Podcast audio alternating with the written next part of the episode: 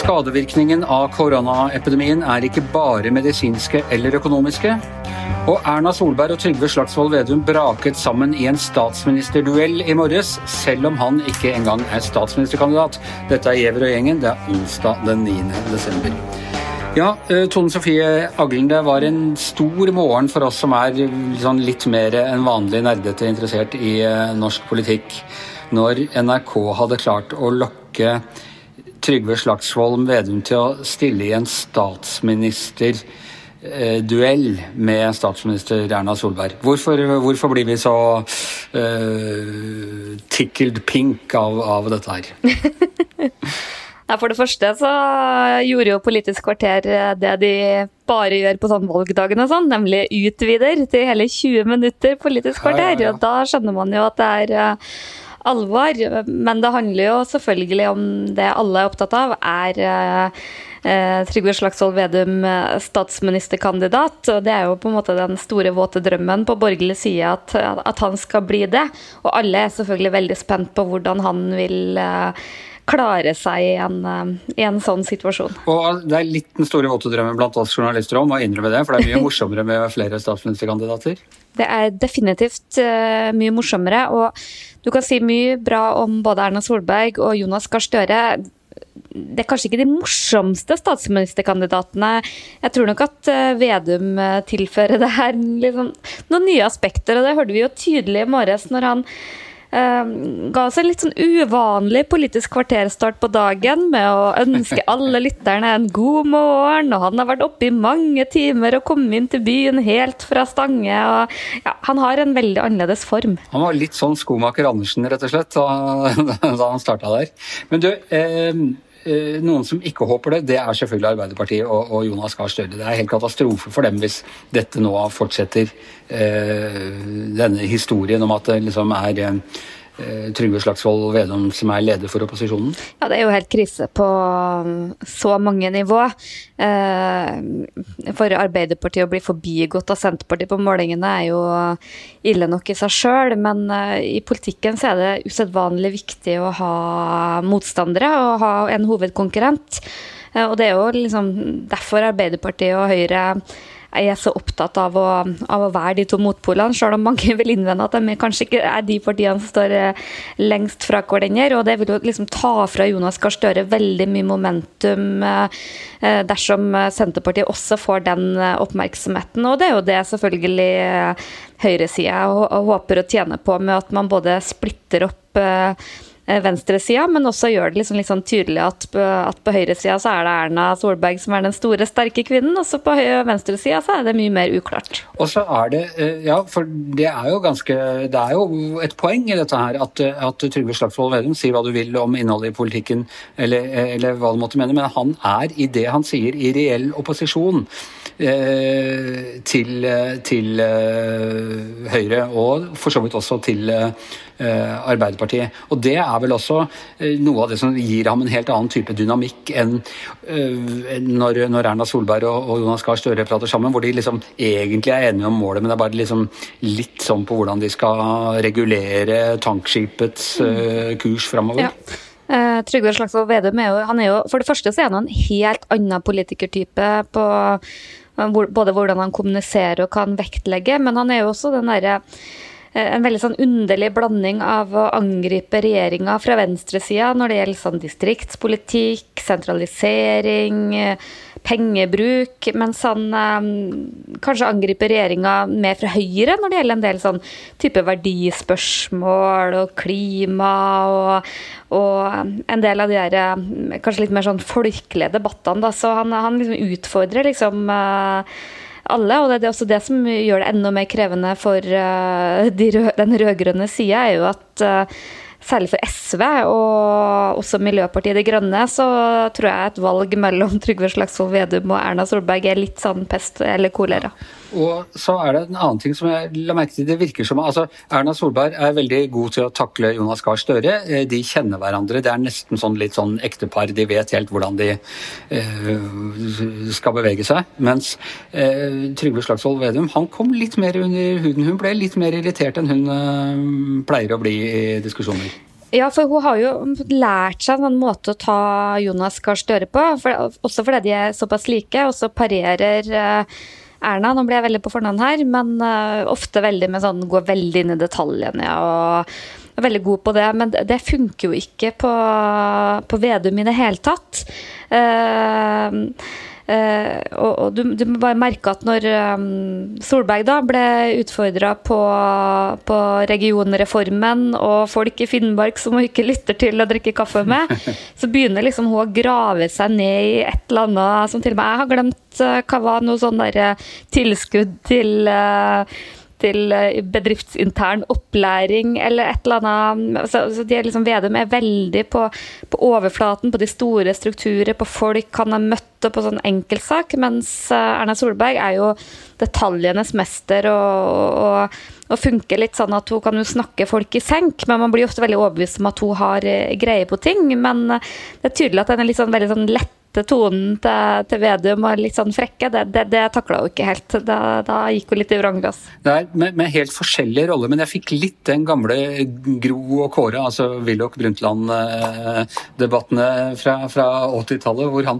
klarte å liksom tirre henne på sånne jeg skjønner at hun syns det er irriterende når han holder på med at du må dra ut og snakke med folk og drikke kaffe med folk og høre hvordan folk har det. Det er jo noe, som hun sa, men hun sier det på en sånn irritert måte, det er jo noe alle norske stortingspolitikere driver veldig mye med. Han snakker som om dette er noe han har funnet på, at, han, at man må, må, dra ut og snakke med folk. Og når hun da sier litt irritert at det gjør hun faktisk, du er ikke den eneste osv., så sånn, sier han ja, men det var hyggelig å høre.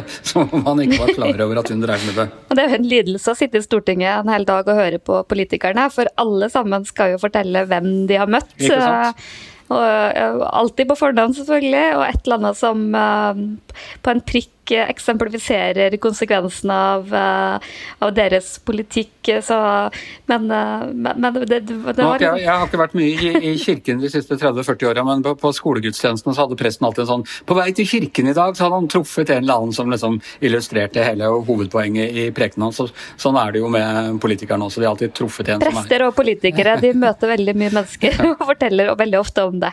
Og, og den kaffekoppen har jo liksom blitt Vedum sitt eh, varemerke. Men det er jo ikke noe tvil om at Erna Solberg hun har jo reist utrolig mye i hele sin uh, periode som statsminister, men har kanskje hatt en litt annen profil på å fortelle om det. Og, ja, det, det, det, det virka som ikke helt takk takla å møte Vedum. Jeg tror hun må øve seg en del på det. Og hvis man syns at Tone Sofie og jeg er nerder på, på denne statsministerduellen, som altså ikke er en statsministerduell fordi Vedum nok en gang avslo å svare på om han var statsministerkandidat, så skal dere sjekke våre kollegaer i Bergens Tidende. De livedekka Eh, debatten eh, med egne tweets og, og kasta terning eh, og greier. Litt sånn som vi drev med i den amerikanske valgkampen for noen uker siden. Tone Sofie. ja, det irriterer meg at ikke vi fant på det.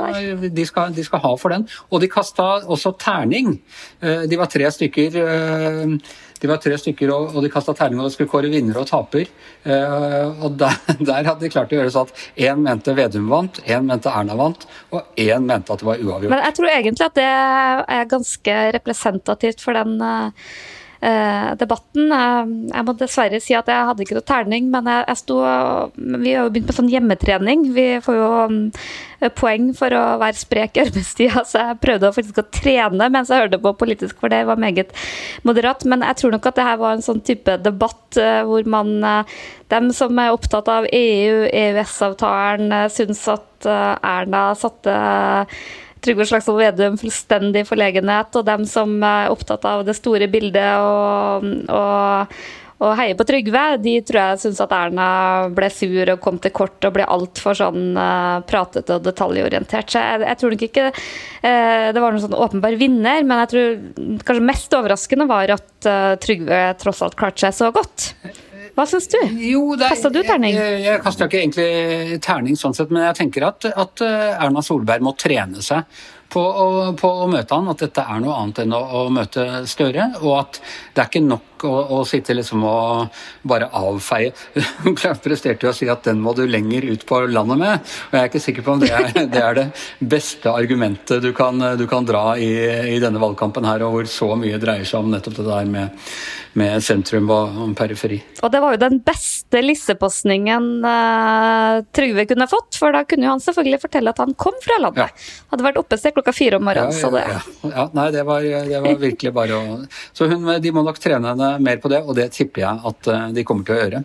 Og det er ikke, det er ikke den siste statsministerduellen mellom de to. Du, Tone Sofie, du skriver også om en annen ting som jeg vet har ligget deg på hjertet, som du for så vidt har skrevet om tidligere også, men som blir enda mer aktuelt nå når det nærmer seg jul, og det er de eh, omkostningene av koronaepidemien som vi ikke kan måle i eh, verken i eh, medisinsk eller økonomisk? Ja, for jeg, jo, jeg har jo et lite hjertesukk eh, når vi hver dag snakker om at eh, vi er så flinke her til lands og det går så bra med smitte sammenlignet med andre tall. Da er det jo to-tre ting vi ser på. Det er jo hvor mange som er smitta, hvor mange som er innlagt på sykehusene, og ikke minst hvor mange som dør. Og det blir jo det som blir våre måleparameter.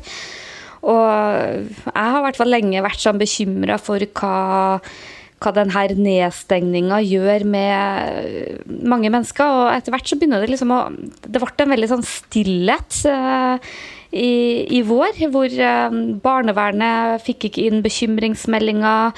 Eh, folk slutta å oppsøke krisesentrene. Eh, politiet fikk færre anmeldelser av vold. Det var, det var, liksom sånn over hele linja. Og man har vært veldig sånn spørrende til hva i all verden er det egentlig som skjer? Er, er problemene løst? Og nå begynner det liksom å, å, å sive opp at, at, kostnaden har vært stor.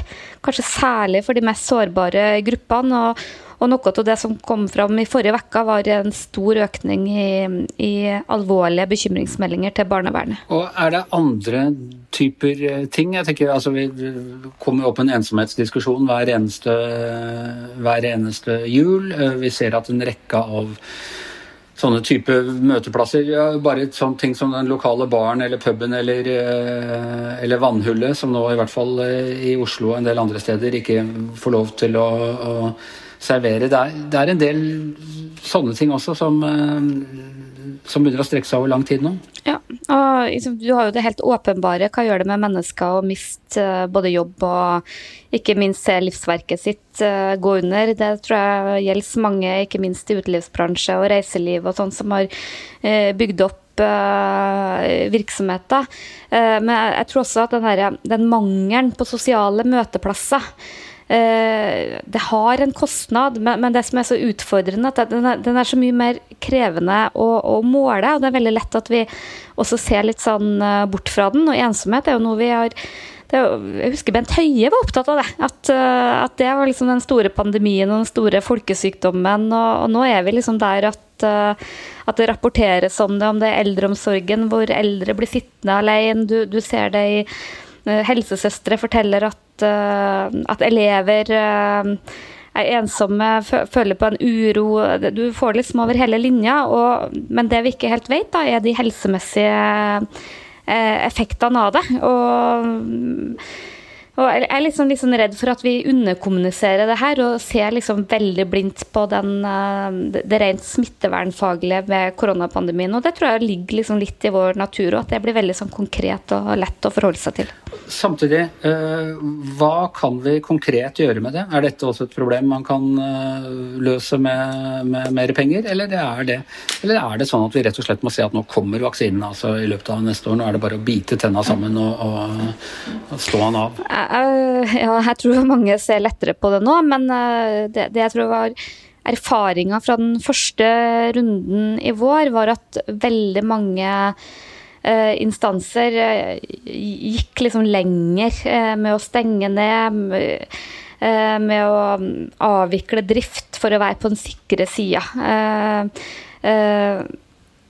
Jeg tror folk er veldig redd for å gjøre feil, og veldig mange er veldig redde. Også deler av landet, jeg ser bare hjemme i Trøndelag, som er den eneste grønne sonen i Norge, så, så, forteller folk om folk som knapt er utfor dør i kommuner hvor det ikke er smitte i det hele tatt. For de er eh, livredd. Og jeg tror nok at man må I det offentlige så tror jeg man må bestrebe seg på å holde en del av de her tiltakene i gang, sjøl om det selvfølgelig er utfordrende og helt konkret. Da, så gjelder det det her nye forslaget til regjeringa om at eh, skolene i større grad kan ty til hjemmeundervisning og digital undervisning, sjøl om det ikke er smittevernfaglig begrunna. Det tror jeg er et veldig dårlig forslag. Jeg ser at Folkehelseinstituttet er veldig kritisk. Mange av høringsinstansene er det.